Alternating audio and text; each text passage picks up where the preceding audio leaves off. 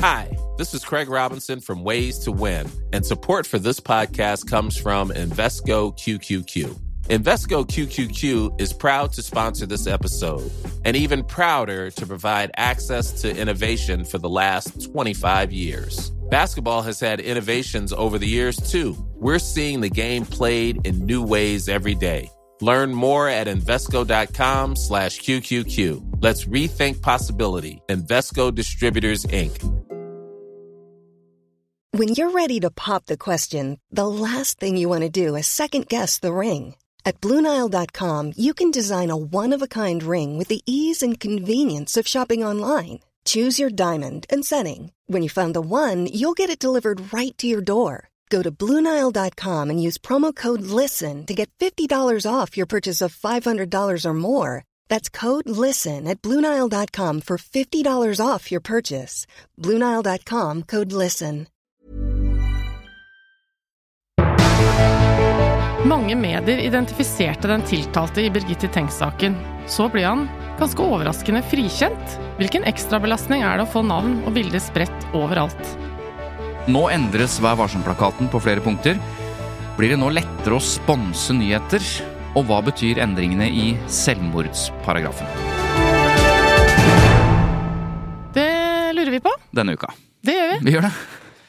Hvordan er det? Jo, det er eh, kaldt og fint. Det er kaldt og fint. Og det er ikke bare det. Eh, Jeg vet at eh, du var på hadde en kulturell opplevelse i går. Ja, jeg var på Heil Ved på Det Norske Teatret. Og jeg misunner er jo boka til Lars Mytting, men uh, siden det er på Det Norske Teatret, så har det vel gjort om til nynorsk, da, for det er vel et krav der. Ja, og for de som ikke kjenner eh, Heil Det er jo nå mange år siden han kom, men det er altså Jeg tror det var altså 2011, faktisk. Jeg tror fortsatt det er den største sakprosasuksessen, altså boksuksessen, eh, som vi husker. Om å hogge og kløyve ved. Ja, ikke bare det. Stable og tørke. Stable og tørke og Ja, jeg lærte i hvert fall at det må ikke være så idiot at du bare lager en vedstabel som starter på en gressplen, for du må ha luft under. Ja, og helst luft. Det kan man jo tenke seg fram til, men uh, det var en god påminnelse. Jeg Ja, si, det er gøy å stable ved. Du har jo mobba meg litt for at jeg sykler opp til hytta og begynner å hogge ved. Ja, jeg har jo kalt deg en vedfluenser når du sender sånne videoer i bar overkropp og Eller ikke i bar overkropp, da. Nei, det har jeg det, aldri Det har vært bestillingen tilbake. Ja, sånn var det. Men eh, da jeg var sist gang jeg kløyva ved, eh, eller kappa, kappa ved og kløyva ved, Ja. og stabla ved, Ja. så hadde jeg den heil ved, eller hel ved, Ja. boka på øret mens jeg holdt på. Det var, eh, det var flere dimensjoner, kan jeg love deg. Det Ja. var ganske spesielt. Men hvordan var dette stykket? Hva Nei, er det det de holder på med på scenen Nei, der? det er jo fem, eh, var det vel, karer som står på scenen og, og først uh, hogger et tre, og så kapper det opp, og ja, kløyver og stabler og sånn, og så er det litt tekst på bakgrunnen, og det er litt musikk fra han Stein Torleif Bjella, som er oh, med i stykket. Stein Som du liker Bjella. godt. Ja. Eh, kjekk kar, for så vidt det. Jeg har ikke noe sånn veldig sterkt forhold til han sånn som du har. Men, ja, men det må eh, du få. Ja, tydeligvis. Ja.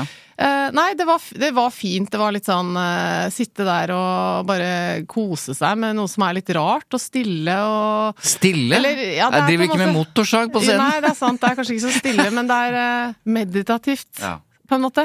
Og så slo det meg jo at eh, det er jo på en måte et overskuddsfenomen når det kan sitte en hel sal eh, full av folk som har betalt jeg vet ikke, 500 kroner eller noe sånt, for å se på fem karer som driver med dette her. Det er liksom fint. Det viser jo at det går ganske bra, tross alt, Ja. eh, med oss. Men det er jo musikken til Bjella, da hadde jeg betalt gladelig bare Ja, for det å var høre ikke på en det. konsert med Bjella. Nei, jeg altså. skjønner. Det var jo mye bare sånn rolige bevegelser og Det er ikke et eneste ord som blir sagt på scenen. Annet enn gjennom høyttaler. Men, men det synges? Ja, det syng, ja, ja. Ja, ja. Det er jo for så vidt ord. Ok, Men det er ikke noe jeg dialog. Er Jeg skal se dialog. det. Ja. For å si det sånn. Men du, det var jeg, jeg var også på konsert. Eller jeg var bare på kulturell opplevelse. Ja. Jeg har jo noen barn som er litt sånn spredd utover, og en av de er på en folkehøyskole nede i Østfold. ja. Og han sitter og kjeder seg eh, av og til på det der eh, rommet på folkehøyskolen, som ligger på et jorde. Eh, og det er liksom litt langt til alt. Så på et jorde. på et jorde. Og Ja. så tok jeg med meg en eh, 20-åringen og reiste ned og henta han eh, der nede. Og så reiste vi til Moss. Mm. Og, så Bjørn Eidsvåg i en fullstappa Parkteatret på Moss konserthus. Mm. Eh, Altså, eh, og det er en sånn generasjonsgreie, for nå har jo mine barn begynt å oppdage eh, Bjørn Eidsvåg. Spesielt gjennom kanskje Hver gang vi møtes Ja, og Emma Steinbakken og Ja, det sånn. har blitt laget noen uh, fine coverlåter, ja. Mm.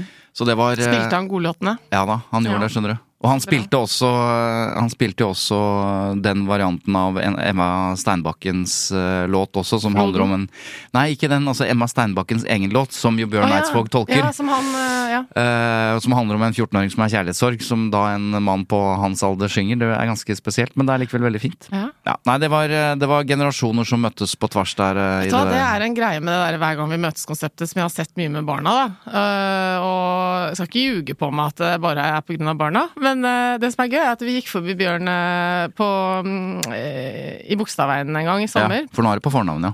Ja. Ja, Jeg er på fornavn med ja Bjørn. jeg skjønner. Og så sitter han på en uterestaurant der, og så stopper liksom ungene mine meg og sier 'er ikke det Bjørn Eidsvåg?' Og det syns jeg var litt sånn Mm. Ja, det er generasjonsfuck-up. Ja. At de veit hvem han er. Det, Ja. det har det programmet gjort.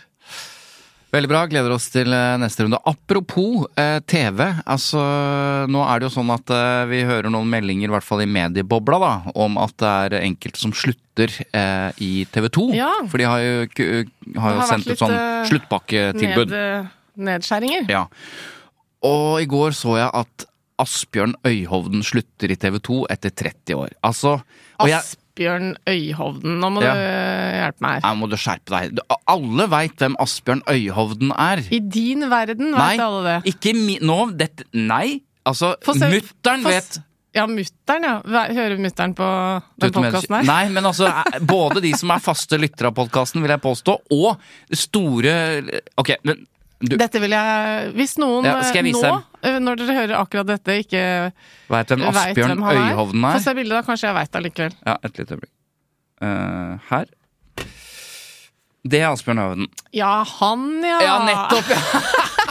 Ja, men jeg har jo navneafasi, så jeg er Ja, så nå vet du hvem Ja, jeg mener. ja, ja, han er kjempeflink. Han har vunnet og sånn. Han Han har fall diplomer og ja. Men det han er mest kjent for, uh, for mutter'n vet ikke hva SKUP-pris er, men det er de reportasjene fra Innlands-Norge, altså da primært Hedmark og Oppland, for han har vært stringer, eller ja, i, Ja. i det området. Ja. Disse rare, fine, varme reportasjene om folk, litt, kanskje litt spesielle folk, 94-åringer som ser ut som kroker og Ja, sier de rareste ting, eller Altså, jeg har jobbet med han i gamle dager, for han har jobbet der alltid, men han har en historie eh, fortellingsevne som er helt unik. Da syns jeg etter jul at vi inviterer han hit. Ja, det gjør Skal vi, ha en koselig mimrestund med han. Ja, det er jammen Men det er sant. flere jeg har sett. Uh, skal slutte. Linn Vik, hun Kjersti Bergesen, Elin Ludvigsen. Det er, begynner å komme en del sånne saker i mediebransjepresset nå Ja. uh, om folk som skal slutte, og det er litt vemodig. Ja, og så Det er ikke bare at de slutter, de begynner jo gjerne steder òg. Linn Ja. Vik går til NRK, for eksempel. Så det er jo um, ja. Men, men. Men du, Ja. skattelistene er ute. Har du sjekka hva jeg tjener? Eh, ja, ikke fordi jeg søkte på det. Nei, Men fordi fordi du er sjefen min? Eller Nei, fordi det sto i en sånn der mediesak. Gjorde det? Ja, de hadde de, jeg tjener? Ja, for du skjønner at eh, i sånne bransjeaviser så ser det Her er alle medietoppene, her er alle reklametoppene, her er Hva slags topper er vi, da? Vi er kommunikasjonstopper. Er vi det? Ja da, så, vi, Så så der står det hva vi tjener.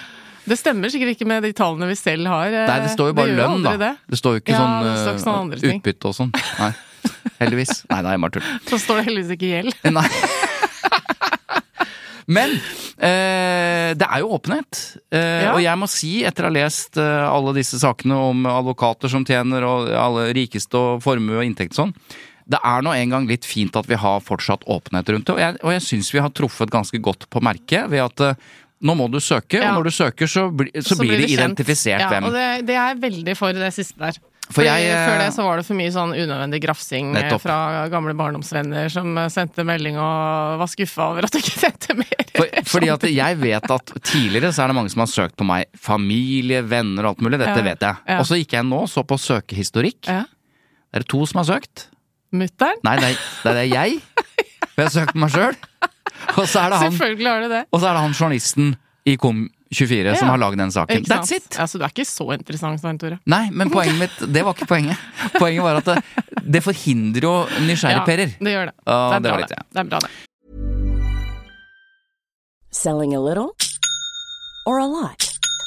Shopify helps you do your thing however you cha-ching. Shopify is the global commerce platform that helps you sell at every stage of your business. From the launch your online shop stage to the first real life store stage, all the way to the did we just hit a million orders stage. Shopify is there to help you grow. Shopify helps you turn browsers into buyers with the internet's best converting checkout. 36% better on average compared to other leading commerce platforms because businesses that grow grow with Shopify. Get a $1 per month trial period at shopify.com/work. shopify.com/work. Hiring for your small business? If you're not looking for professionals on LinkedIn, you're looking in the wrong place. That's like looking for your car keys in a fish tank. LinkedIn helps you hire professionals you can't find anywhere else, even those who aren't actively searching for a new job but might be open to the perfect role. In a given month, over 70% of LinkedIn users don't even visit other leading job sites. So start looking in the right place. With LinkedIn, you can hire professionals like a professional. Post your free job on linkedin.com slash people today. Ok, nå er det alvor. Fordi den saken vi har bestemt oss for å snakke om, eh, Eva, det er jo eh, denne bomben som smalt. Ja, det smalt jo en bombe i Gulating lagmannsrett, som det heter, da mannen eh, som ble dømt i tingretten for drapet på Birgitte Tengs, da, ble frikjent eh, denne gangen. Mm. Eh, I den høyere instans. Vi skal ikke gå så dypt inn i den DNA-greiene og bevisene og, sånn, og straffesaken, tror jeg, for det er Nei. ikke helt vårt anliggende, og det er det jo mange andre som gjør. Men eh, vi må se litt på medienes dekning, og spesielt på identifiseringen av mannen, da. Fordi det har kommet eh, opp eh, som en debatt nå etter den frikjennelsen. Mm. Fordi ulike medier har tatt ulike valg. Det er nettopp det. Men bare kjapt. Ja. Altså, mm, fordi jeg har jo ikke den beste hukommelsen, som du veit. Og, og, og noen er jo 20 år yngre enn oss. Ja, Ja. og noen er jo som meg, Ja. av de som hører på oss. Så jeg bare tenker sånn, Birgitte Tengs, det er jo den saken eh, hvor vi husker eh, bildet veldig godt av hun eh, jenta med krøllete hår og bunad. Det har liksom Riktig. vært distribuert veldig mye. Og dette skjedde på Karmøy. Hun Ko- var ute på byen Kopervik sentrum og skulle hjem. Og ble funnet drept på et jorde, var det sånn? Ja, Ja. dagen eh, etter. Og, og den saken eh, har jo versert i mediene i, siden eh, midten av 90-tallet. Siden Ja, det skjedde. Og, og ikke bare det, den har jo vært, eh, det har vært rettsskandale på rettsskandale. Altså Først ble jo fetteren hennes dømt Mm. og frikjent, men likevel dømt til å betale erstatning osv. Ja, som var, er litt komplisert i seg selv. Så fant de da en uh, ny mann som de mente hadde drept henne, uh, og han ble dømt i tingretten, og nå også frikjent. Så nå har, du, nå har de dømt to stykker og frikjent begge to, og vi står fortsatt med en uløst drapssak. eh, og som er, må være en vanvittig belastning for alle de som eh, er involvert, og lokalsamfunnet osv. Og spørsmålet er jo, er det riktig av pressen å identifisere han? Han heter da Mm. Nei, Er det det vi ikke skal si? Ja, vi kan godt si det. Altså, hele Norge vet det. Men så tenkte jeg, eh, det du ikke vet, det er at jeg har allerede vært her en stund. Ja, før jeg kom syklende Ja. i snøføyka. Så jeg har, eh, jeg har intervjuet eh, ansvarlig redaktør i Haugesunds Avis. Det er det med deg, vet du, for du står opp om morgenen. Ja. Men, og, og saken er, og grunnen til at jeg eh, intervjuer han, det er jo fordi de har ikke identifisert han. Nei, Ikke sant? ok. Så nå er spørsmålet skal vi identifisere han. Eh, det kan vi jo gjøre, for det er ikke noe skade. Men, men, men greia er Nevner at du navnet i Nei, han nevner Nei. da ikke navnet. han nevner jo ikke navnet. La oss Eh, gjøre det til en greie å ikke gjøre det, da. Ja, fordi at uh, vi har jo sett Det er jo en litt merkelig situasjon at hvis vi skal si navnet hele tiden, og så intervjuer jeg Haugesunds uh, Eller redaktøren for Haugesunds Avis, som jo har bestemt seg for å ikke identifisere. Altså, ja.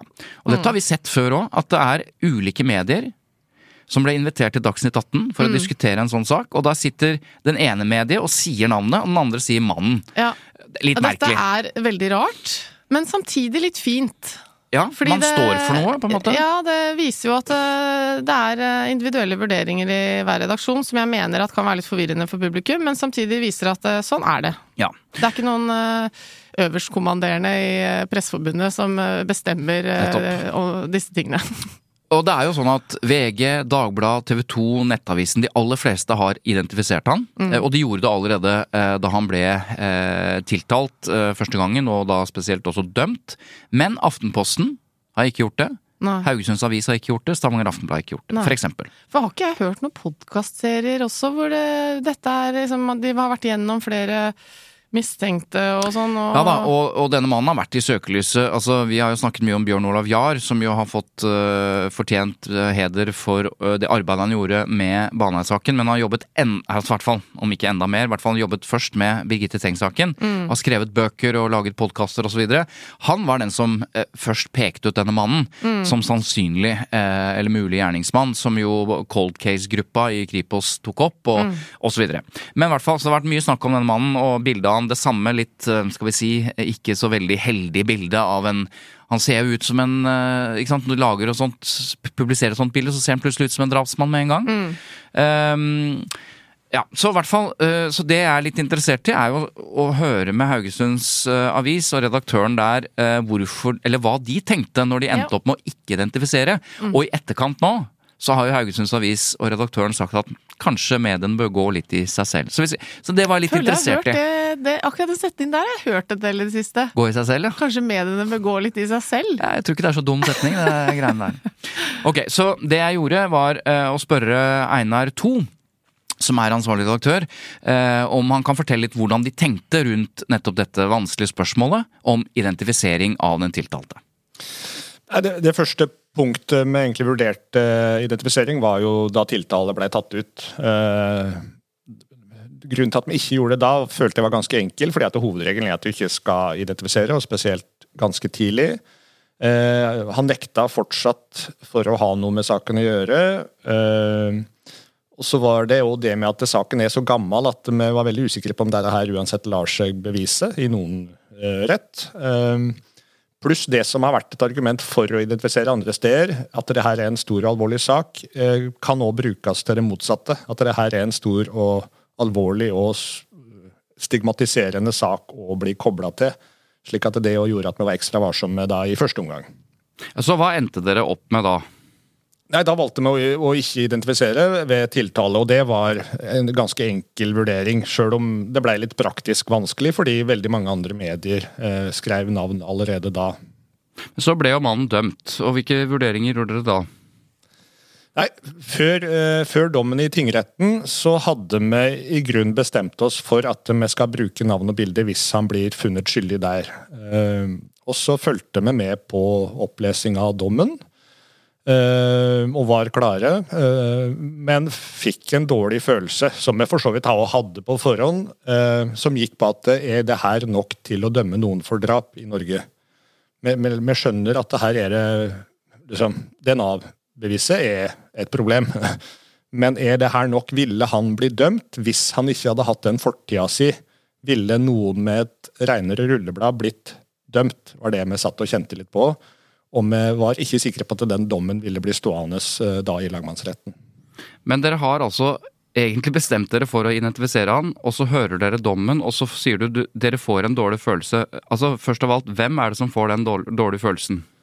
Ja, og den, Vi hadde jo den dårlige følelsen delvis i forkant òg, eh, så det var ikke noe som oppstod der og da. Vi, vi var nok mer skeptiske enn en del andre. Eh, og, og det var det er jo jeg som tar den beslutninga, men jeg hadde mine kollegaer, både de andre redaktørene og, og journalister som jobba med saken. og eh, Det var veldig lett internt å ta den beslutninga, fordi at vi hadde litt den samme følelsen hele gjengen som hadde jobba med det. Men når det er tatt eh, Du sier at det likevel var tatt en beslutning om å identifisere han. Er det noe Og så får dere en dårlig følelse. Det var en plan, i hvert fall. Det var en plan. Men er det noe enkeltopplysninger eh, som er det, eller hva, altså, hva er eh, det, At dere snur? Det er litt interessant at dere snur liksom på det tidspunktet. Ja, det, da er det jo liksom Det er lett å tolke ting i etterkant. Liksom, ja, ja, vi var så sabla smarte der og da. Men for, for det, det, her er skjønnsmessige vurderinger, og jeg, jeg, skjønner veldig godt de som valgte å identifisere etter dommen i tingretten. Det er relativt fair. Eh, men, men det, det, er nok det liksom, Skjønnsmessig vurdering er i stor grad erfaring og magefølelse. Uh, og det var den som var Den, den var ikke god. Vi, vi, var ikke sikre på at dommen ville bli stående, og vi hadde ikke lyst til å identifisere uh, en person som da kunne bli frikjent. Mm. Hvilken rolle spiller det at dere er Haugesunds Avis i denne beslutningen? Vi ser jo at riksmediene stort sett, bortsett fra Aftenposten, men Haugesunds Avis, Stavanger Aftenblad, som er uh, geografisk ikke så langt unna, velger å ikke identifisere. Hva, hvilken rolle har det å si? Det, det, er jo kjent at uh, medier som er litt nærere på, på, tragiske saker, kan være kanskje i overkant forsiktig. Uh, men jeg tror i denne saken så er nok òg uh, erfaringene med den forrige runden i Birgitte-saken, der fetteren òg ble urettmessig dømt i første instans, at den Vi kjenner nok mer på den lokalt, vil jeg tro. Som, liksom, er det én ting vi er glad for i den saken, er det jo at han ikke ble identifisert. Ja, La oss bare ta det. Eh, for det som du sier, fetteren ble også dømt og frikjent. Eh, det er mange år siden. Eh, hvilke refleksjoner gjør det deg om disse to sakene mot hverandre? Den ene forble anonym, og den andre ble identifisert. Ja, nei, det, det, jeg, jeg, tenker at det, det er nesten utrolig at han ikke ble identifisert. Eh, hvis vi også ser på Baneheia-saken for, for, Det som er den store forskjellen her, er at det er en ung person. Samtidig så trodde jo folk på den tilståelsen som skulle være gitt. Slik at det var mye sterkere på en måte grunn til å tro at han var skyldig, sjøl om de tekniske bevisene virkelig var uh, rubbers. Uh, for man visste jo ikke at det var en, en tilståelse som var manipulert fram der og da, når man tok de beslutningene. Så, så jeg tror han hadde blitt identifisert i dag. Og i hvert fall eh, for noen år siden, da Viggo Kristiansen ble identifisert, for å si det sånn. Men Hva forteller det om utviklingen på akkurat dette området når det gjelder presseetikken? da? Nei, Det er jo der jeg tenker at vi må, vi må snakke litt ordentlig om det, og ikke bare eh, jeg, vet, jeg, tror kanskje du var det, men jeg var på et seminar om, om Baneheia. Liksom, hva har vi lært? Hvor man da på en måte snakker om det som om feil er noe som skjedde før. Nå, nå har vi så gode metoder at nå er vi så flinke at nå gjør vi ikke de feilene, så nå kan vi være litt tryggere på det. Liksom, bekreftelsesfella er like farlig nå. Uh, og det er jo den vi absolutt ikke vil gå i, og som vi kanskje litt sånn demonstrativt skal prøve å vise at vi veit finnes, og svinge litt utenom. Mm. Du har skrevet en egen kommentar i avisen om dette her, og skriver at når mange må gå i seg selv. Hva legger du i det da? Ja, det, det, høres jo litt sånn der, uh, hardt ut, kanskje, men, men, jeg tenker jo at vi bør gå i oss sjøl hele veien, mange av oss. Uh, men, men uh, spesielt én ting som jeg har tenkt på underveis her, som jeg har kommentert underveis, er det opplegget vi gjør med å forklare. Derfor skriver vi nå navnet. Uh, og jeg leste f.eks. den til VG, som er kjempeflinke på det her, uh, og hadde da en forklaring. Derfor identifiserer vi den uh, tiltalte. De identifiserte ved tiltale. Og der er argumentasjonen selvfølgelig på alvorlig sak, og liksom opplysninger skal ut og sånt, men òg flere avsnitt om at han sannsynligvis er skyldig. Sjøl om man legger det til politiet, så, så kjøper man den forklaringa at her er det vurdert i fengslinger og slikt, og at han er det er sterkt sannsynlig at han er skyldig, eh, legger de vekt på der. Og da tenker jeg at eh, mediet investerer litt prestisje i den vurderinga. Man, man, man, legger litt vekt på at vi har vurdert at han er nok sannsynligvis skyldig, for sjøl om man skriver at eh, vurderinga er uavhengig av om man er skyldig eller ikke, så ville jeg jo tenke at de fleste i etterkant ville sagt at ok, hvis han er uskyldig, så ønsker vi ikke å identifisere. Um, og når jeg ser nå VG har lagd en oppdatert versjon hvor de skriver 'derfor identifiserte vi han', så er det elementet tatt bort. Det med at han uh, sannsynligvis var skyldig ifølge politi og, og da uh, fengslingsdomstol. Uh, og det, er der jeg tenker at vi bør reflektere litt mer på at hovedregelen er faktisk å ikke identifisere, og så må vi vurdere om man har gode nok grunner ut fra konsekvensene til å identifisere.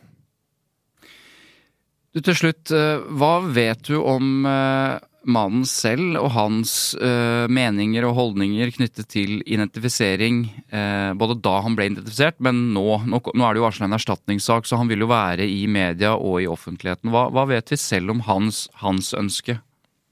Nei, men Vi har, jo ikke tilgang på han. Uh, men han motsatte seg jo fotografering og den type ting, og har uh, tydelig også signalisert gjennom advokaten at han ikke ønsker å liksom, Han ønsker ikke å være en del av det her. Uh, så, sånn sett så, så, kan det jo hende at han på et eller annet tidspunkt ønsker å stå fram et eller annet sted. Fordi at det nå er jo navnet hans overalt. Det er søkbart for evigheten. Uh, men, men jeg stusser jo òg jeg, jeg så dagen han ble frikjent, så, så valgte jo f.eks. NRK å ta bilde av ham idet han gikk ut fra et advokatkontor i Stavanger.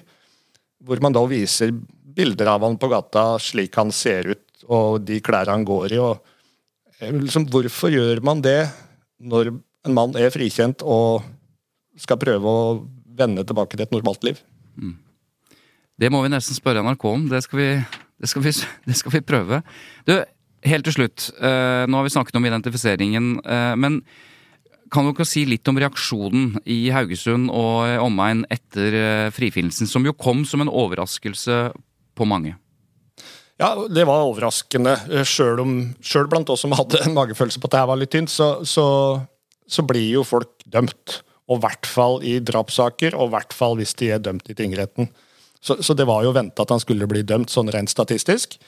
Eh, og den, den, reaksjonen folk har her, er todelt. Det er en skuffelse over at saken ikke er oppklart, og at man ikke har et svar. Og så er det en veldig sympati med med, med Karin og Torgeir, foreldra til Birgitte. At ikke de har fått et svar, og fortsatt da eh, ja, må leve videre med å ikke vite hvem som drepte dattera.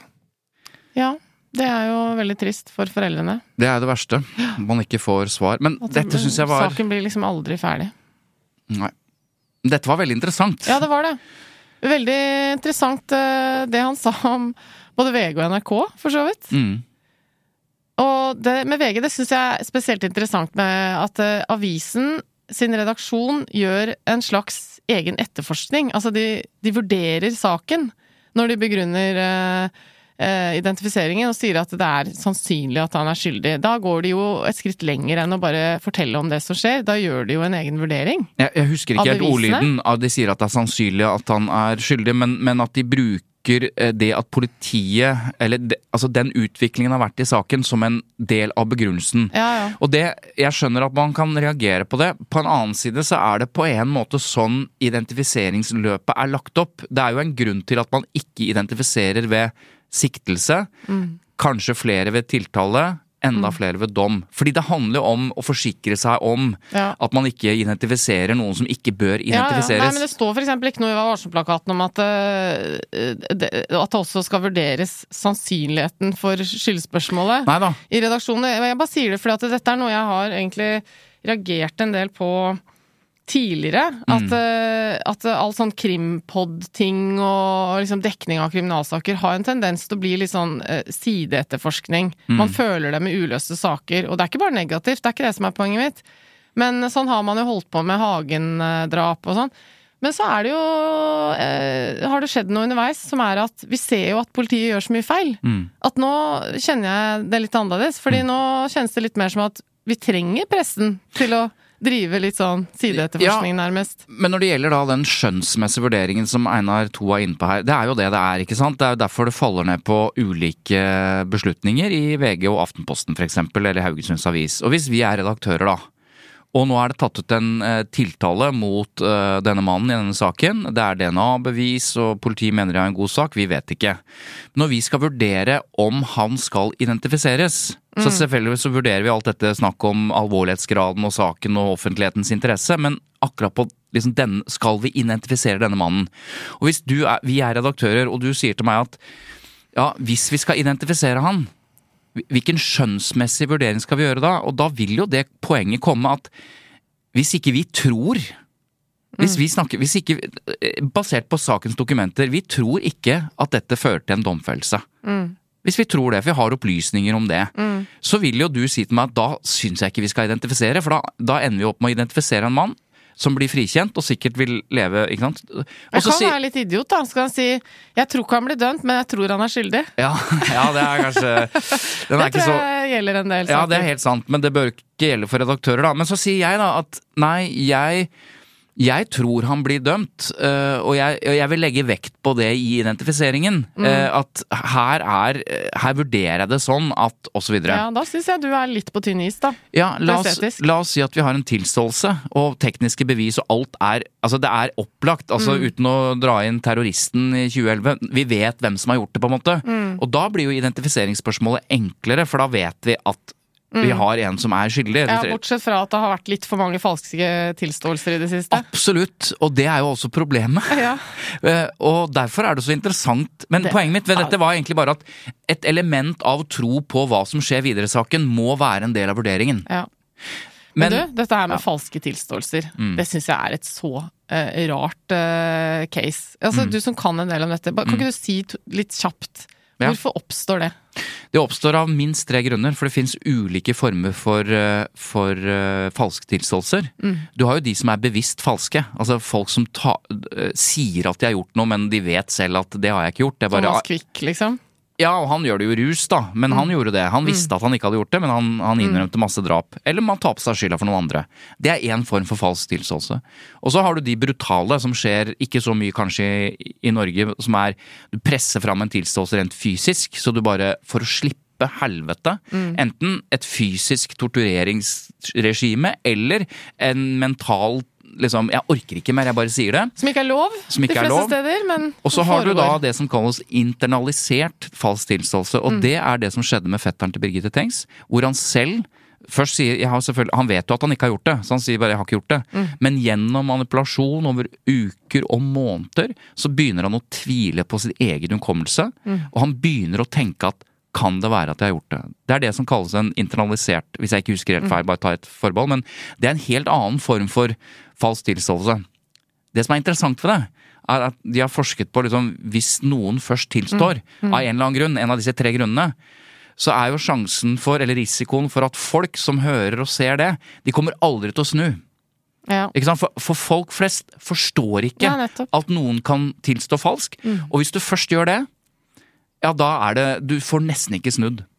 Og så har du forskning som viser hvor mange falske tilståelser da. det er i f.eks. i USA, så har man forsket på det. Sant? I dødsstraffsaker så er det masse falske tilståelser.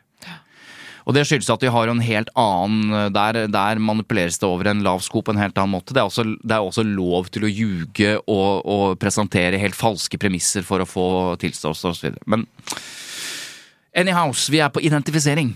Hvordan tror du jeg hadde gjort meg et sånt case, da? Hvis jeg satt der og med min hukommelse og ble rundlurt av en uh, Ja, jeg er ganske sikker på at jeg kunne fått deg til å si uh, omtrent hva som helst. Hvis det er det du lurte på. Ja. Jeg er redd for det. Du begynner å tvile på din egen hukommelse med en gang. Men ok, så um, Det er veldig interessant at uh, VG eh, tar ut den delen av begrunnelsen, mener to, da, som handler om Og det er ikke så rart at de gjør det, for nå er han nå er jo frikjent, så det er ikke lenger en del av Men samtidig, som han sier, og jeg er enig, det fins gode argumenter her for å identifisere. Mm. Ja. Det er bare at når denne veldig overraskende utfallet kommer, så er det i hvert fall en mulighet og en anledning til å tenke litt på hvordan man vurderer dette her, da. Gå litt i seg sjøl. Går, eh, jeg har sendt melding fordi eh, dette var uklart for meg, så jeg har sendt melding til VG. Så får vi se om de eh, svarer, om Ja. vi får noe svar fra dem. Jeg syns også det er interessant det han sier med NRK. Eh, For én ting er dette bildet av den tiltalte nå frikjente, som er sånn karikert. De bruker det samme bildet hele tiden. Fra, fra gamle dager, liksom? Eller et Ja, eldre bilde? det er i hvert fall eh, mulig å tenke at han ser ikke helt sånn ut, eller han eh, kan Mm. gjøre noe med det. Men at NRK viser han med et oppdatert bilde, sånn ser han ut nå, da er jo Etter at han ble frikjent? Ja. På vei ut, var det ikke det? ja. Ja. Og selv om han blir frikjent, så er det som du sa i stad, det kan være mange som mener at han er skyldig fortsatt. Og det kan jo føre til eh, trusler, det kan føre til en oppmerksomhet han som frikjent strengt tatt ikke skal ha. Så um, Ja, det det, har jeg også også lyst til å høre med NRK om, uh, som den vurderingen der. Nå har Prøv å jeg ringe Per Arne Kalbakk, da, se om han tar telefonen. nå har jo Per Arne Kalbakk som, uh, skal vi si, uh, han har hatt mye å gjøre det siste. Ref. Bamsegutt-saken osv. Og, så og de har også blitt felt i PFU siden sist. Så det kan hende han er opptatt. et Etikk er et høyaktuelt tema. Jeg vil oppfordre unge journaliststudenter til å legge ekstra vekt på den delen av utdanningen som Det- handler om etikk, for der blir det mye å gjøre framover. Jeg prøver å ringe Kalbakk, jeg.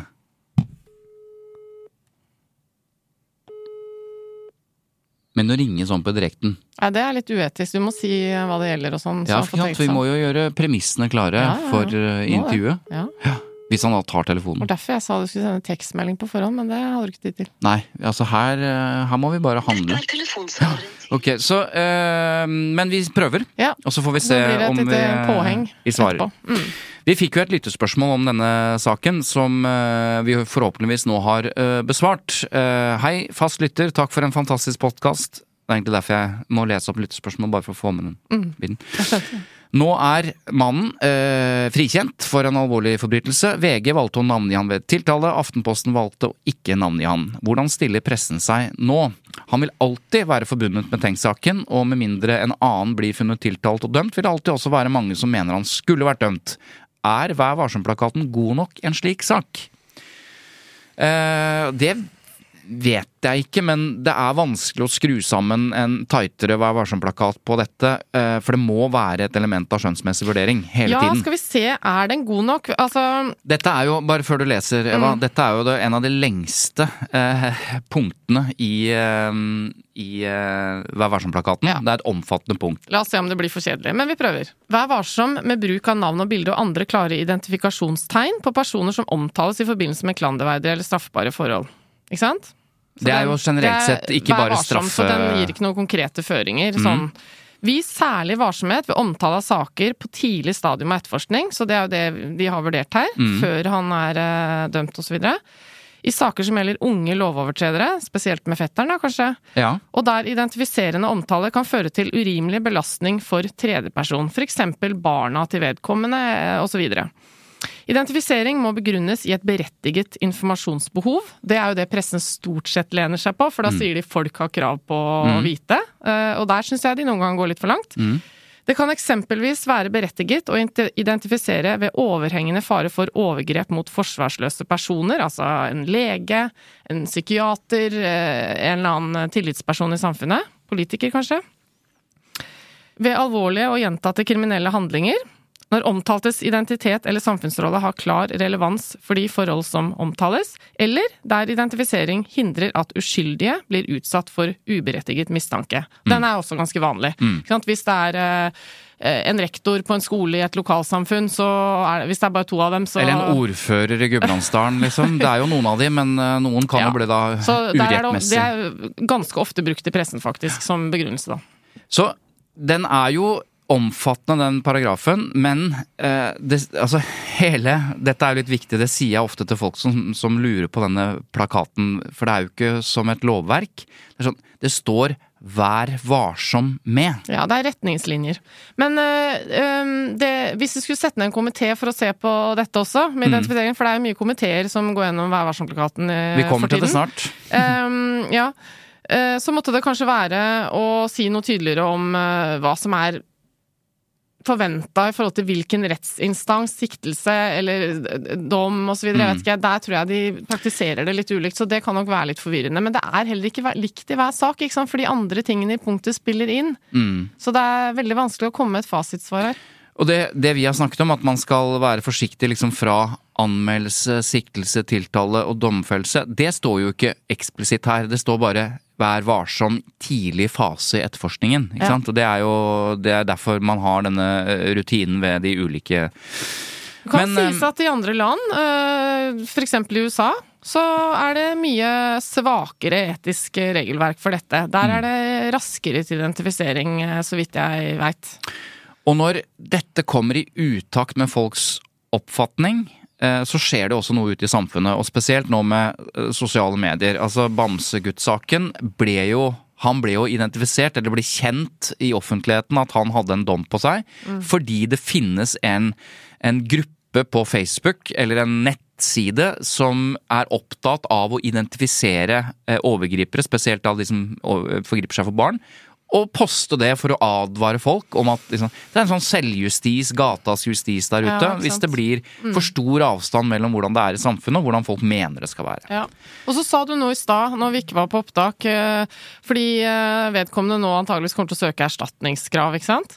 Eh, og så sa du ja, han, da, da søker han jo offentlighet. Altså det var en sleivete kommentar fra din side, da, men jeg mente ikke at han Nei, nei, søkte offentlighet, men, han det- vil det være i offentligheten. man-. Ja, og det er også litt sånn komplisert, for det, det er litt synd også når, når det er sånn at uh, folk uh, ønsker å komme med en reaksjon på noe som har skjedd. Det handler også om å søke til P, å klage til PFU. En vurdering i enhver klage til PFU vil også ofte handle om Orker jeg å klage til PFU, fordi da vil saken min komme opp igjen i media. Og det syns jeg er litt synd, fordi Det, det fører jo da til at en del ikke orker å følge opp en uh, prinsipiell sak, fordi de orker ikke å bære den byrden. Fordi da mener media at nå har du søkt offentlighet Ja. på en måte ved å gjøre det. Og vi har jo det er trist. Det går an å få saken sin anonymisert riktignok, men da skal det ha ganske god grunn, da. mm, Jeg har et sånt eksempel ferskt nå, hvor det er en kjent person Ja. som vurderer å melde en, et stort medium Det, inn for det, det tror jeg det er hver måned, Svein Tore. Jo, men jeg snakket med vedkommende, Mm. eh, og så spurte han liksom hva, hva syns du? Nei, og så sa jeg, og jeg ville ikke gi ham noe råd, men jeg sa bare at eh, det du må forvente er at videre, at når denne saken kommer opp i PFU, så vil det bli stor oppmerksomhet rundt den. Hvis du ikke eh, får gjennomslag, så vil det få en sånn type reaksjon, og hvis du får gjennomslag, så kan du forvente deg dette og så Ja, videre. og Så vanskelig. da er vil du sannsynligvis si at da er det dumt hvis du ikke vinner gjennom, ikke Ja, sant? du bør ha en god sak, tenker jeg da. Ja. Eh, Som jeg også syns er litt synd, fordi at eh, PFU har jo en prinsipiell kraft, ikke sant. Så det er jo noe med noen Jeg kan jo eksempel tenke at jeg vil bare prøve denne saken for Ja. PFU, for Ja, å få et svar. Men da må du ta tåle steken. Ja, det er det. Mm. Du, vi har fått et, eh, et, eh, noe som heter et nerdete spørsmål. Jeg har lyst til å bare ta med det, fordi eh, Hei, Tut og Mediekjør. Jeg har noe nerdete spørsmål som Nei, Du må først si tusen takk for fantastisk podkast. Ja, men, men han har ikke skrevet han, han har det. ikke det. Nei, så da kan vi nesten ikke si det. Jeg har noen nerdete spørsmål som gjerne berører både lovverket og presseetikken. Det handler om det nå tidligere tiltalte i Birgitte Tengs-saken, som tirsdag denne uken ble frifunnet i Gulating lagmannsrett. Domstolloven paragraf 131 omtaler forbudet mot å fotografere siktede eller tiltalte på vei inn eller ut av rettssalen. Og det er jo et, er jo et øh, ordentlig forbud. Det er Loven sier at media ikke kan det. Hvordan må mediene forholde seg til dette når en person møter opp til domsavsigelse som tiltalt, og deretter forlate rettssalen som en Ja. fri mann? Jeg registrerer at NRK har publisert både bilde- og videoklipp, det var det vi snakket Ja, om i stad, som ble vist på Dagsrevyen av det nå frifunne, riktignok ikke i rettslokalene. Hva sier lovverket og eller presseetikken om denne typen bilder etter en frifinnelse? Er det dårlig presseskikk å publisere bilde og video nå som vedkommende er frikjent, og skal anse han som en fri mann? Ja, så dette er jo et spørsmål som vi allerede har diskutert. Vi har diskutert den presseetiske det. Vi, vi syns det er, det er i hvert fall noe problematisk ved det. Men det er også dette med eh, domstolsparagrafen 131, som er Den er absolutt. Eh, med, altså, den er absolutt helt til tiltalte sier det er greit, dere kan bare filme meg. Men det er eneste muligheten for å filme inn og ut. Det er på vei eh, inn og ut. Men jeg sendte det for sikkerhets skyld til eh, vår husadvokat. Eh, eller i hvert fall Jon Wesselaas, eh, som kan mye om medierett. Og han skriver Hei. Domstolsloven paragraf 131 a, som blant annet forbyr fotografering av siktede eller domfelte i rettsbygningen i forbindelse med rettsmøte på vei inn og ut av rettsmøtet, uten at vedkommende har samtykket, gjelder også i et tilfelle som her, hvor han i det aktuelle rettsmøtet fikk forkynt en frifinnende avgjørelse. Avgjørelsen er jo heller ikke rettskraftig før man vet om påtalemyndigheten anker avgjørelsen innen ankefristens utløp. Dette er jo vesentlig. Når det gjelder presseetikken, er jo vurderingen om man eh, skal publisere bilde av vedkommende etter en slik frifinnelse mer skjønnsmessig. I denne saken vil jeg tro at presseetikken åpner for et nokså vidt redaksjonelt skjønn. Så, Ja. um, Ja, det så ble ikke noe klokere, da. jo, altså vi ble klokere fordi spørsmålet var uh, om det er forskjell på loven når man forlater rettssalen som en fri mann eller ikke. Så inn og ut av, dom, uh, av rettsmøtet, den er, den er absolutt. Det er no go. Mm, Det er no go hvis ikke tiltalte uh, sier at det er greit. Utenfor rettsbygningen, Mm. presseetikk. Så da håper jeg at vi har øh, besvart det, Det du burde gjøre da, er kanskje å gå inn i, mm, i denne prosessen med litt sånn uh, forkle, forkledt image. Mm. La deg fotografere. eh, all over the place. Og I, så i, i du- kostyme. ja, og Ja. så går du tilbake til å være deg selv ah, ellers. kan lure alle. Ja. Ja, den, den, den er ganske sløy. Ok, Uh, nå fikk du melding. jeg så det. Det er fra Per Arne Kalbakk i NRK. Ja. Skal vi ringe han, da? Ja, vi skal ringe han. Ja, ok. Ja, så, ja, så ring han, da! Ja, så ring han, da! Ok. Hallo. Hei, Per Arne Kalbakk. Det er Eva Sandum og Svein Tore Bergestuen i podkasten Tut og mediekjør. Hallo. Hallo. Hei! Jeg ringer jo fordi jeg lurer på hvorfor dere har identifisert eh, den tiltalt som var tiltalt, nå frikjent, med oppdaterte og nye bilder ved at dere filmet han i nærheten av advokaten. Ja, da han ble frikjent, så var det jo sånn at både vi i NRK og en rekke andre medier hadde jo identifisert ham eh, da han ble kjent skyldig i tingretten. Så da var han jo allerede identifisert for et bredt publikum. Og da mener vi det er viktig at også nyhetene om at han har blitt frifunnet, faktisk da blir dekket, dekket tydelig, og at det også blir kjent at han er frifunnet. Og at vi da tok et uh, nytt bilde og video av han da han skulle til sin advokat etter at uh, frikjennelsen var en faktum, så mente vi at det var et uh, nyhetsbilde knyttet til den store nyhetssaken om at han var frifunnet i lagmannsretten, og dermed er en fri mann, som vi da valgte å bruke i vår dekning. Mm. Men bare kort oppfølgingsspørsmål. Betyr det at det høres ut som dere gjør dette også av hensyn til han? Altså at når han er frikjent, så bør også folk vite at han er frikjent, og derfor viser dere et oppdatert bilde av han? Er det riktig forstått? Vel, det, er i hvert fall, det står jo i Vær varsom-plakaten at det er god presseskikk å opplyse, opplyse om om eh, oppdatert altså frifinnelse eh, i en sak hvor noen tidligere har blitt kjent skyldig. Og så sier ikke Vær varsom-plakaten noe om hva slags bilde man skal bruke. Men vi så det som et dagsaktuelt mm. nyhetsbilde, så det var ikke av hensyn til han at vi brukte det bildet. Nei. Det var det ikke. Men har dere har vurdert da um merbelastningen i det som eventuelt kan være tilfellet, at folk tenker ok, han ble frikjent, men han er sikkert skyldig, og dermed også er videre identifisert eh, som det i en del folks hoder, potensielt?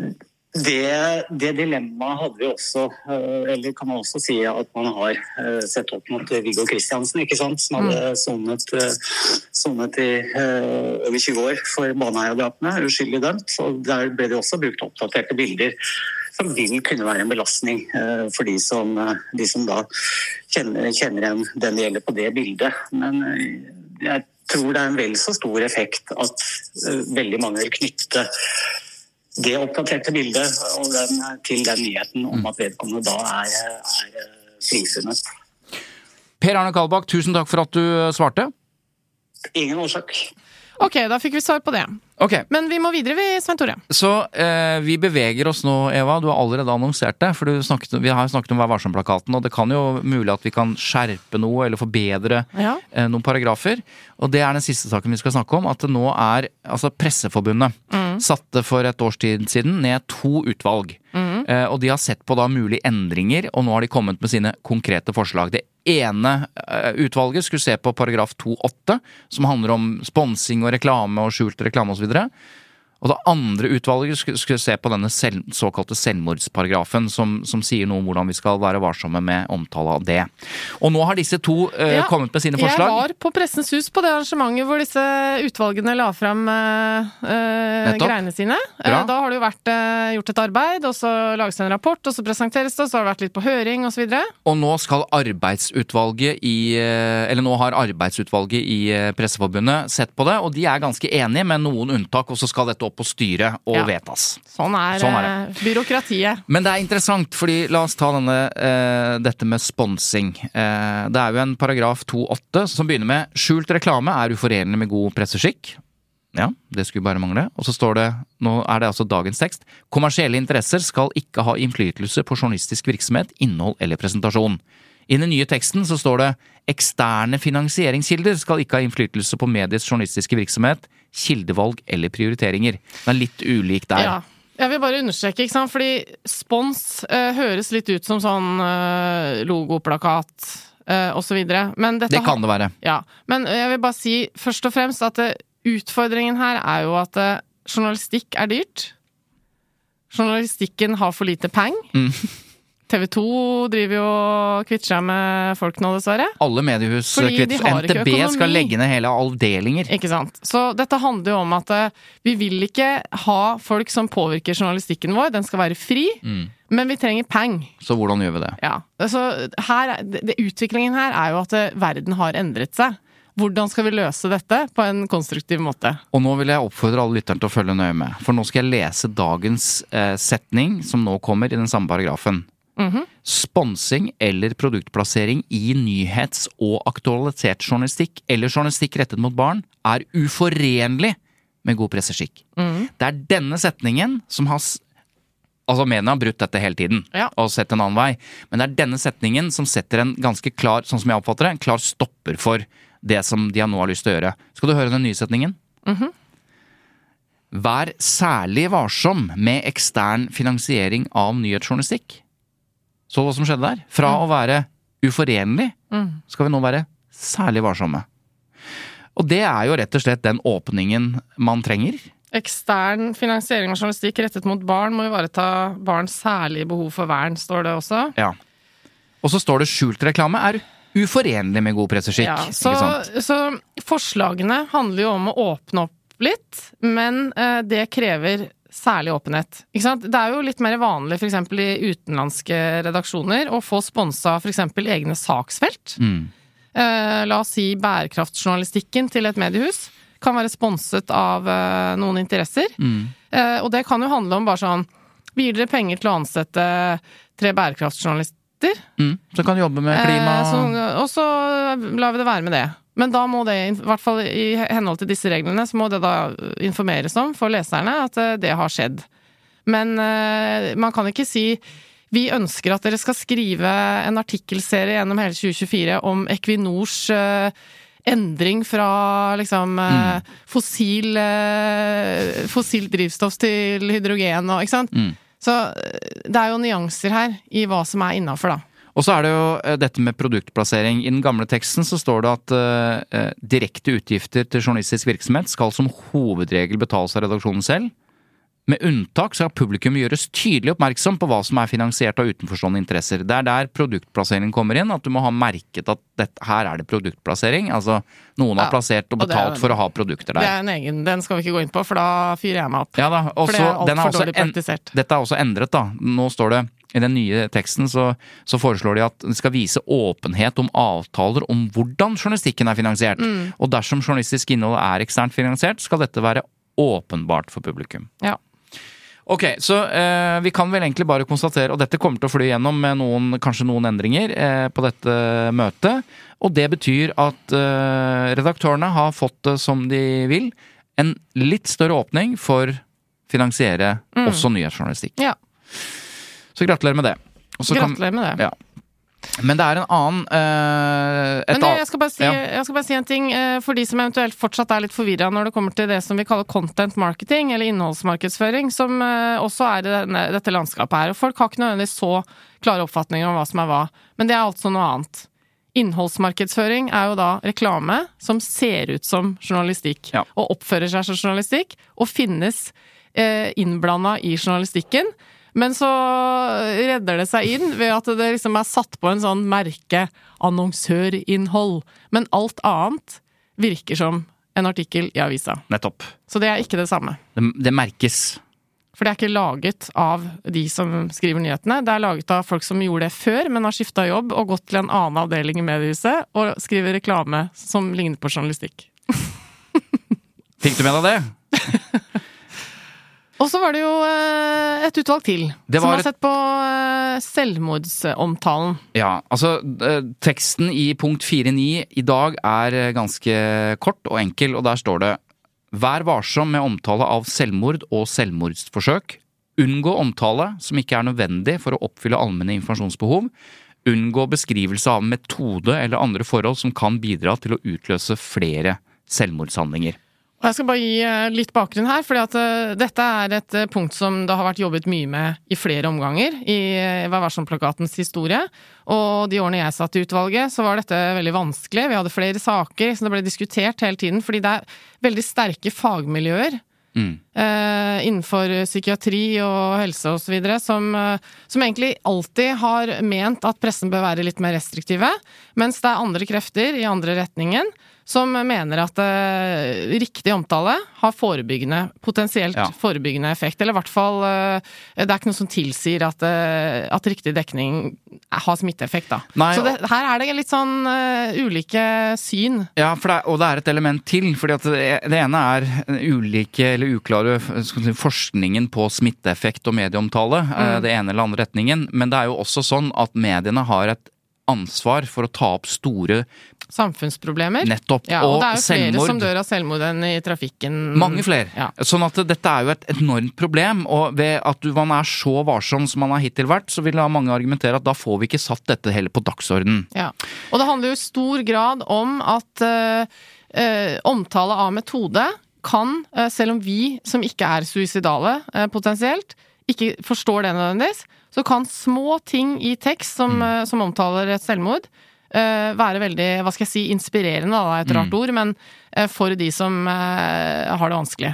Fordi de kan få ideer, eh, eller mm, har lyst til å oppleve det samme, og min personlige mening er jo også at en del av selvmordssamtalen er problematisk på den måten at den eh, har en tendens til å bli eh, litt glorifiserende, ikke sant? fordi at vi har så behov for å snakke pent om den som er død, og det har vi jo sett i, i omtalen av kjente personers eh, selvmord. Eksempel Ari Behn, det er det første jeg kommer på nå. Um, Ja, og som- bare for å ta det. Eh, øh, når du nevner Arben, så var det nettopp at noe omtale var sånn at han nærmest endelig eh, slapp. Det er jo den glorifiseringen han endelig fikk han fri, eller slapp ut. ikke sant? Og det er jo, er jo go av god Ja. intensjon. Ja. Men datteren hans i begravelsen fikk jo veldig mye skryt fordi hun nettopp fortalte det at Dette er Det er ikke jævlig, greit. Og, ja, ikke sant? Ikke sant? Nei, så det er, Men- dette er veldig vanskelig. Den nye teksten eh, som er foreslått, som det er litt uenigheter om, så det blir spennende å se hva de lander på, men der står det ved omtale av selvmord og selvmordsforsøk er det god presseskikk å vektlegge en nøktern fremstilling. Vis hensyn til de som er direkte berørt, vær varsom med omtale på et tidlig tidspunkt, og ved beskrivelse av bentode og sted kreves høy aktsomhet. Endringen her er jo på en måte fra å unngå eh, flere, flere steder i den gamle så står det 'unngå omtale som ikke er' osv., og, så videre, og 'unngå beskrivelser', mens her er det endret, sånn som jeg oppfatter det, til mer 'vis hensyn', 'vær varsom' osv. Så, videre. så det er, en, det er jo en, eh, en endring som skal eh, gjøre det litt lettere eh, når det er velbegrunnet, å ta opp dette. Og så har det vært litt reaksjoner på dette med ordet sted, som kan eh, potensielt skape litt forvirring da, om hva som menes. Norsk redaktørforening skriver i sin uttalelse annet at det kan skape misforståelse ved, om, eh, ved at man tror det handler om en generell advarsel om å beskrive geografisk sted, eh, Ja. og hvor en sak hører hjemme osv. Mens det som sikkert ligger bak, som er et reelt problem, er hvis man fortsetter å fortelle at folk hopper ut fra Ja. Golden Gate Bridge f.eks., og sånne ting. ikke sant? At det er kjente steder. Fordi vi vet også at på sosiale medier så er det en del sånne forherligende grupper. eh, Med suicidale folk som Mm. driver med akkurat dette her, og det skal i hvert fall ikke pressen bidra til. da. Og da er eh, et nytt forslag for å løse den eh, uklarheten om det er geografisk sted eller det konkrete, så, er det, så har man løftet inn et annet forslag hvor det står det kreves høy aktsomhet ved beskrivelse av metode og det spesifikke stedet for handlingen. Så det ikke liksom er Ja. mer utvida. Ja. Men, Men, ok, em, dette er viktig, fordi jeg, da Aftenposten hadde en, tror jeg de vant Scoop-diplom, eller i hvert fall hadde en prisbelønt serie om selvmord, så sa journalistene, husker jeg, at egentlig så er sånn denne prisbelønte serien nå, den er Her har vi gått på tvers av det Vær varsom-plakaten sier om dette, for å kunne skrive denne prisbelønte serien som tar opp dette problemet. Så hvis det er tilfellet, at vi får pris, jeg vet ikke om han sa akkurat det, men hvis Aftenposten får pris for en serie som egentlig ikke er i tråd med Vær varsom-plakaten, så bør den endres. Og det er jo det som er i ferd med å skje. Det støtter vi. Det er eh, er det sånn vanskelige greier. Presseetikk. eh, at hver gang eh, du snakket om små ting i ord osv. Jeg har i hvert fall lært meg at hver gang man snakker om selvmord, så vet man aldri hvem som hører på. Og da er det greit å tilføye eh, hvor du kan ringe hvis du eh, sliter med de tankene. Det kan også vi gjøre. Og da er det sånn at Mental Helse har åpent 24 timer i døgnet, og nummeret er 116 123. Og en annen ting er at uh, det kan jo være folk som hører på som har folk rundt seg som uh, de mistenker at uh, er i en situasjon hvor de har det såpass vanskelig. Og da sier fagpersonene at man faktisk ikke skal være så redd for å spørre rett ut. Nei. Har du, er det så ille at du har tenkt på å ta livet ditt? Mm. Det sitter jo veldig langt inne å stille det spørsmålet til noen. Mm. Men det mener eh, mye fagpersoner at det skal man ikke være så redd for. Det er ikke sånn at det spørsmålet vil gi ideer. Nei, i seg selv. Nei. Ok, da er vi eh, ferdige vi, med dagens eh, tut og mediekjør. Er vi det? Vi kom oss gjennom i dag òg! Vet du hva som er Det litt hadde jeg spennende? ikke trodd i går kveld. Enten før jul Ja. eller etter jul, Ja. så tror jeg vi passerer en milepæl i vår historie. Med antall nedlastninger? Ja. Jeg, Jeg, skal, jeg skal ikke si hva det er. Nei, jeg, nei, fordi jeg tror det har skjedd allerede. Har det skjedd? Har jeg- eh, Stille Ja, men forbi. vi- vi- vi vi- later som vi Det er litt sånn som når man fyller rundt tall. Ja, ja, ja. Det trenger ikke være selve datoen. Nei, nei, nei, vi bare Dette kan vi. Vi, har passert! ja, eller nei, nei, i disse vi bare dager. lager noe greier. La- Skal vi lage en sånn kopp som vi gir til en lytter? Gratulerer som lytter nummer Nei, det blir Det kanskje blir, eh, altså, vi kan markere dette på vår uh, siste sending. Der har vi også bekreftet en uh, morsom gjest, så det gleder vi oss til. Det, Det blir overraskelse. Veldig Lyd i produksjoner, produsere Tut og Manicure, spre det glade budskap, gi oss stjerner hvis, vi, hvis du mener at vi fortjener det, og si til en venn at du, hei, du, den der podkasten har du hørt om Tut og Manicure? Den, sånn, altså anbefale, da. Mm. Så da blir vi veldig glad. ja, det gjør vi jo. Vi kommer mest sannsynlig tilbake og minner om dette neste uke. Hva skal du nå? Jeg skal løpe som bare det. Fordi du skal til tannlegen? Ja. Tror du du har noe hull? Nei, jeg tror ikke det, men man vet jo aldri. Nei. Dessuten så har vi jo tannlegere som sier nei, der er hull, så nå borer vi, jo. og så er det ikke sikkert det er hull. Ja, tenk det. Det, Neida, sånn det, kan ikke holde på. det, det jeg sier ikke at noen gjør det. Det har skjedd meg før. Det har det, Ja, I gamle dager, når etikken ikke var så bra i det yrket. Ja. Nå er det sikkert ikke sånn. Sikkert bedre nå. Ok, eh, okay. takk for nå, og Takk for nå. takk til Lydig Produksjoner. Bruk hjelm hvis dere sykler. Ha på votter så dere ikke får frostskader. Mye viktigere, Ja, Ha på refleks. Å oh, ja, refleks, ja. refleks. Mm. Takk for oss. Ha det. Hei, dette er produsenten for eh, Tut og Mediekjør, Christian. Etter at Eva og Svein Tore var ferdig med opptaket av denne episoden, så fikk vi inn et svar fra VGs nyhetsredaktør, Tora Bakke Håndlykken. Og hun svarer på spørsmålet fra vår gjest Einar To om hvorfor deler av begrunnelsen for identifiseringen av den tiltalte og nå frikjente mannen i Birgitte Tengs-saken ikke lenger er med i VGs forklaring på hvorfor de har identifisert han. Så her kommer svaret fra Tora Bakke Håndlykken. Når vi identifiserte på, som var på tiltaletidspunktet, så diskuterte jo vi med utgangspunkt i at den saken her kunne ende både med en domfellelse eh, og en frifinnelse. Så vi mente at identifiseringa var riktig, ikke minst pga. den helt eh, spesielle historikken til den saken her. Eh, Og fordi at offentligheten hadde særlig krav på å få informasjon. Eh, Og til det så er jo utgangspunktet vårt at vi mener at åpenhet om saken og de bevisa som ligger i den, eh, er viktig også for å sikre rettssikkerheten til alle parter. Så den delen av vurderinga vår står ved lag.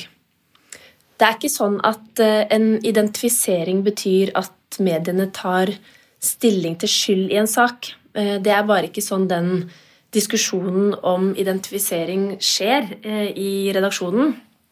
Det som ligger til grunn, og når vi vurderer identifisering, så diskuterer vi jo da forhold som taler eh, mot en identifisering, og forhold som taler for en identifisering. Og så veier vi de hensynene opp mot hverandre. I det tilfellet her så handla jo vurderinga særlig da om belastninga som eh, en identifisering vil være for den som navngis, mot eh, det som da er offentlighetens behov for informasjon. Og linja vår i VG er jo at i de mest alvorlige straffesakene så mener vi at det er tunge argumenter for åpenhet. Og det at eh, påtalemyndigheten vurderte at de hadde eh, DNA-bevis som knytta tiltalte til gjerninga, det er jo et faktum. eh, Og det var jo noe av det som gjorde at tiltale blei tatt ut, og at saken skulle gå for retten. Så når det skjer, så eh, øker jo den offentlige interessen og den eh, kravet da, som offentligheten har på informasjon. Så det bidrar til identifiseringa, men det er altså ikke den sentrale avveininga. Eh, For som jeg har sagt, så handler den om at vi veier de hovedhensynene opp mot hverandre, altså belastninga som det vil være for en person at den blir navngitt, mot eh, det berettiga informasjonskravet som offentligheten har. When you need mealtime inspiration, it's worth shopping Kroger, where you'll find over 30,000 mouthwatering choices that excite your inner foodie. And no matter what tasty choice you make, you'll enjoy our everyday low prices, plus extra ways to save, like digital coupons worth over $600 each week. You can also save up to $1 off per gallon at the pump with fuel points. More savings and more inspiring flavors make shopping Kroger worth it every time. Kroger, fresh for everyone. Fuel restrictions apply.